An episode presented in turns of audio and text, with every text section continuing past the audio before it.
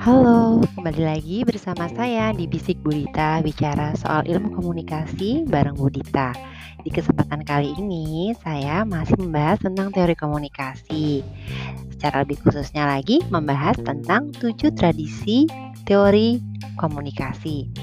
Jadi sebelumnya sudah membahas tentang ada perbedaan teori objektif dan teori interpretif.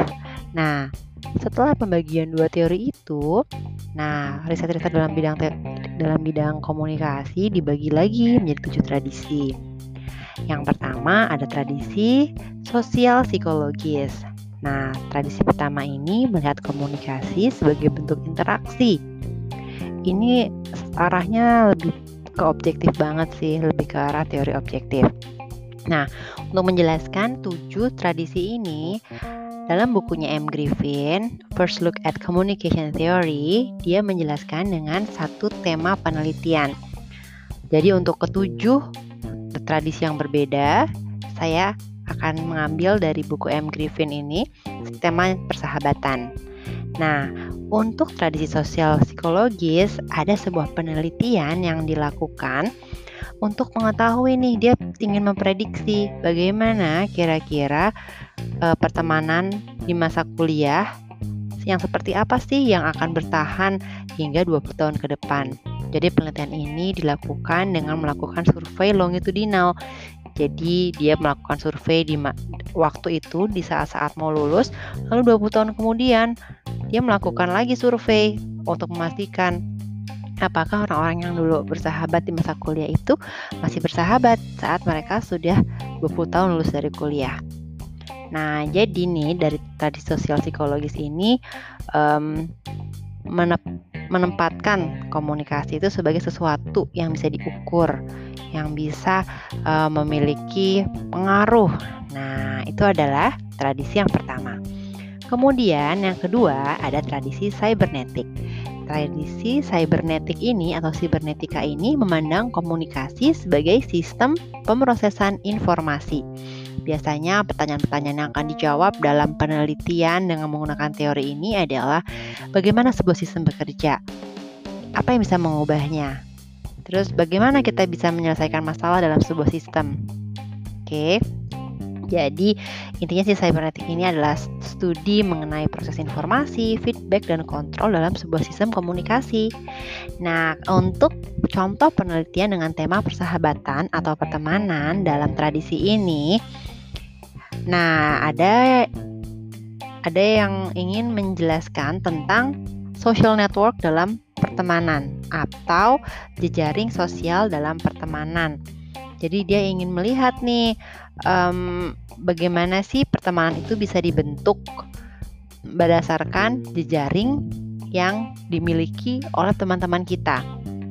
Ya, jadi dia pengen lihat nih uh, bagaimana arus informasi yang terjadi, terus apakah kalau seseorang memiliki teman yang sama, misalnya A dan B berteman, lalu mereka sama-sama mengenal C misalnya. Nah, apakah dengan demikian hubungan mereka itu jadi lebih baik? Nah, itu adalah contoh dalam teori tradisi di cybernetik ini, jejaring siapa saja yang mereka sukai bersama, siapa saja yang mereka kenal, terus um, jejaring-jejaringnya itu ketemu nggak sih? Nah itu adalah tradisi uh, cybernetic.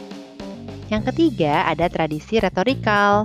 Nah, tradisi retorikal ini memandang komunikasi sebagai sebuah seni berbicara di depan publik.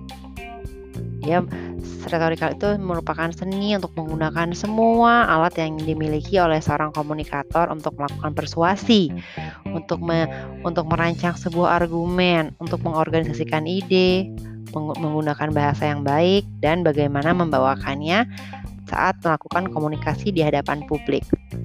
Salah satu contoh penelitian yang dilakukan ini dilakukan dalam tradisi ini adalah penelitian yang dilakukan oleh seorang profesor bernama Profesor Jenkins yang dia itu ingin meneliti hmm, bagaimana teksnya teksnya Barack Obama waktu di tahun 2008 yang sangat mengedepankan tema friendship atau persahabatan. Dari pertanyaan penelitian waktu itu adalah bagaimana Obama bisa mempersuasi orang dengan uh, memunculkan unsur persahabatan atau kedekatan relasi. Nah, jadi dia menganalisis teks teks pidatonya Obama untuk melihat unsur-unsur retorika dalam komunikasi yang dilakukan saat itu.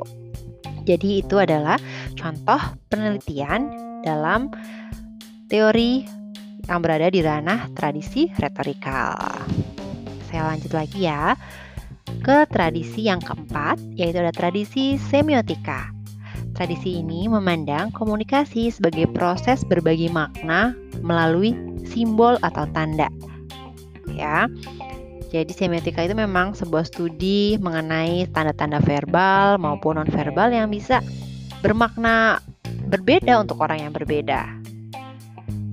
Salah satu contoh penelitian yang di bawah penelitian yang menggunakan teori di bawah tradisi semiotik dan ini masih berhubungan dengan persahabatan atau pertemanan atau friendship adalah ia ingin uh, peneliti saat itu ingin mengetahui arti kata intimacy atau keintiman tapi dalam konteks persahabatan.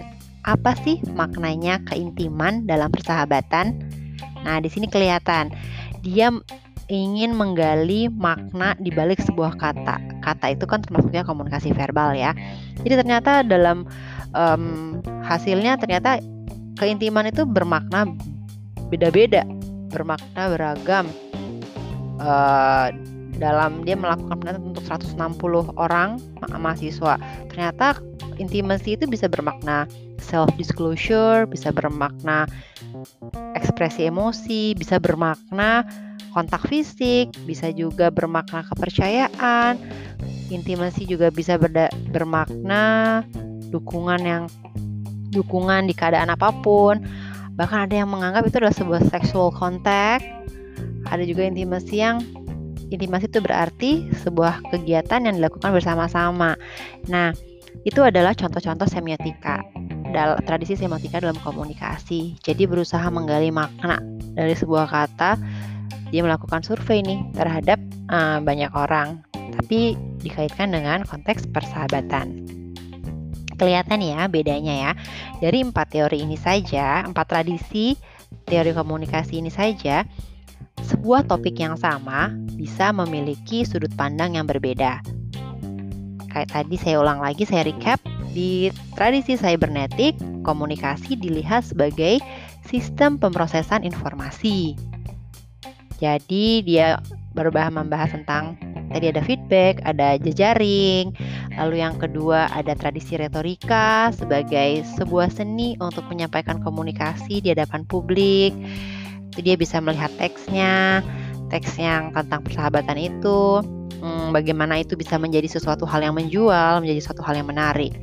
Lalu ada juga tradisi tadi semiotika Semiotika adalah memandang komunikasi berdasarkan proses berbagi makna melalui tanda-tanda.